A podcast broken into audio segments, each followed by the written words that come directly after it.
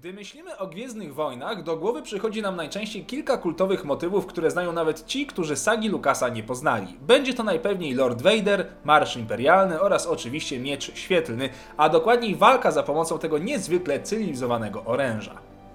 Ciężko wyobrazić sobie film z Gwiezdnych Wojen, który nie zawierałby choćby kilku potyczek wojowników posługujących się świetlistą klingą.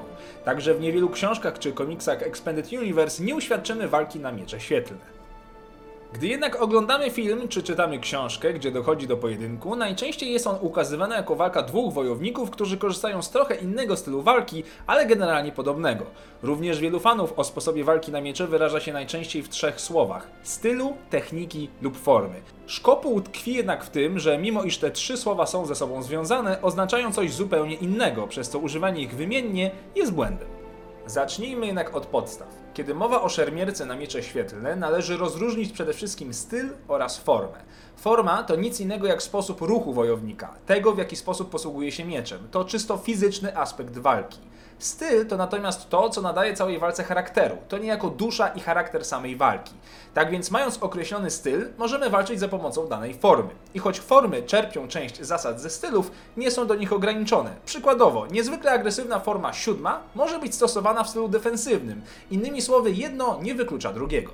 Stylów walki jest sześć: Watang, wysoki Watang, Batang, wysoki Batang, Krusty oraz Krell.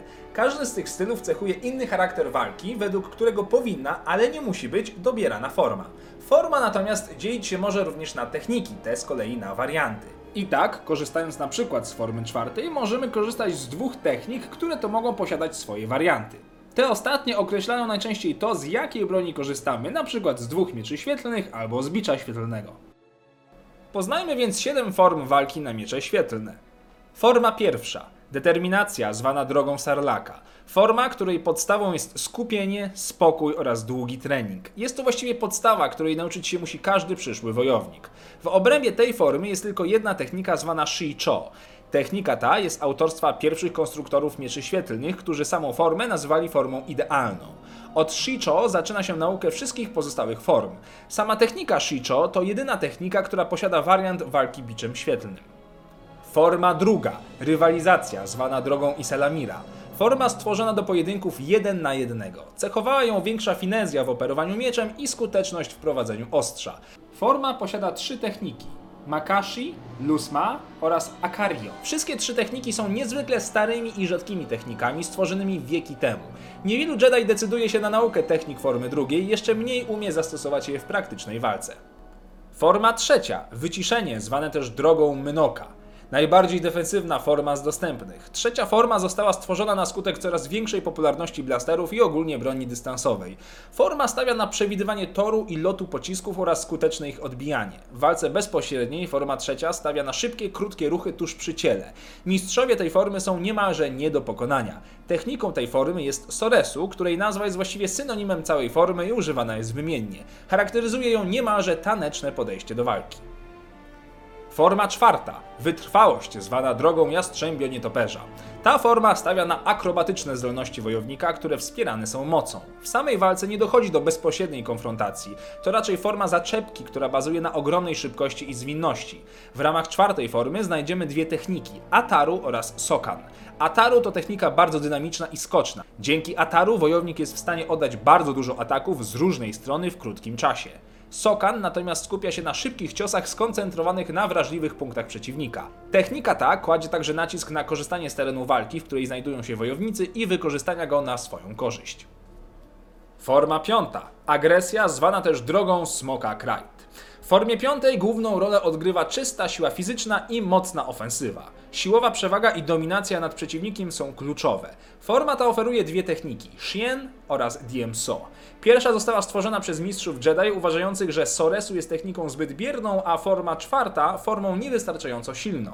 Mamy tu więc mocny, dominujący atak, ale również defensywę pozwalającą odbijać nadlatujące pociski. Tyle, że w stronę strzelającego co niejako kłóci się z filozofią Jedi.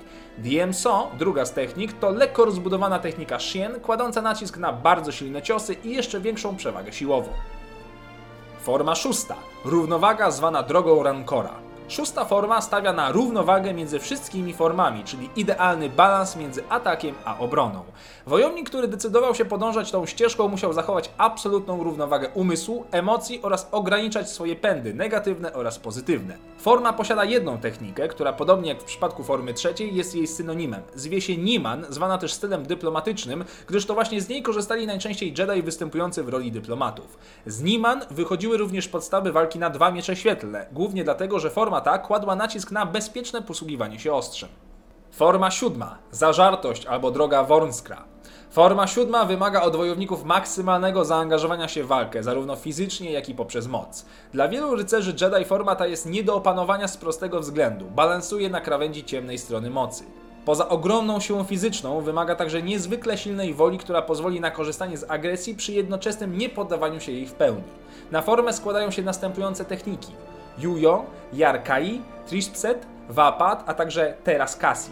Yuyo to jedna z technik korzystająca z dorobku poprzednich, znana z zażartości i połączenia wykorzystywanego w Soresu podporządkowania nurtowi mocy z własnym, wewnętrznym wulkanem emocji, kierującym energią rycerza Jedi. Yarkai to walka za pomocą dwóch ostrzy, czyli podobnie jak w technice Nimanu formy szóstej, tyle że z naciskiem na agresywność.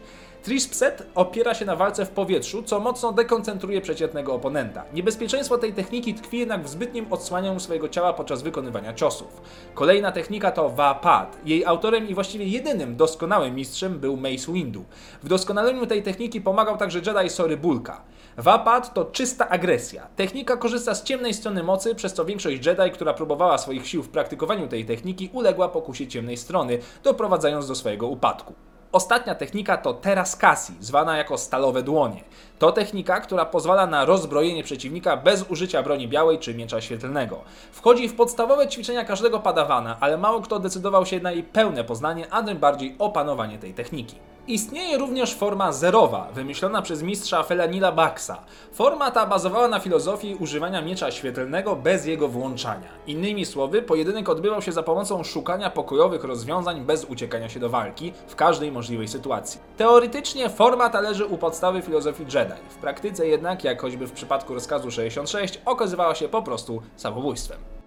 W zależności od okresu, wydarzeń i historii galaktyki, jedne formy i techniki były bardziej popularne od innych, a wiele zostało zapomnianych lub zaprzestano ich praktykowania. W treningu na miecze świetlne wyróżnia się także poszczególne punkty stykowe, rodzaje treningów czy poszczególnych uderzeń i ciosów. Opis wszystkich znajdziecie w linkach podanych w opisie filmu. Dzięki znajomości form i technik będziecie mogli rozróżnić poszczególnych wojowników i ich metodę walki. Część z nich można z łatwością rozpoznać oglądając filmy, do czego Was zachęcam. Subskrybujcie kanał, by nie ominął Was kolejny odcinek Holokronu i niech moc będzie z Wami.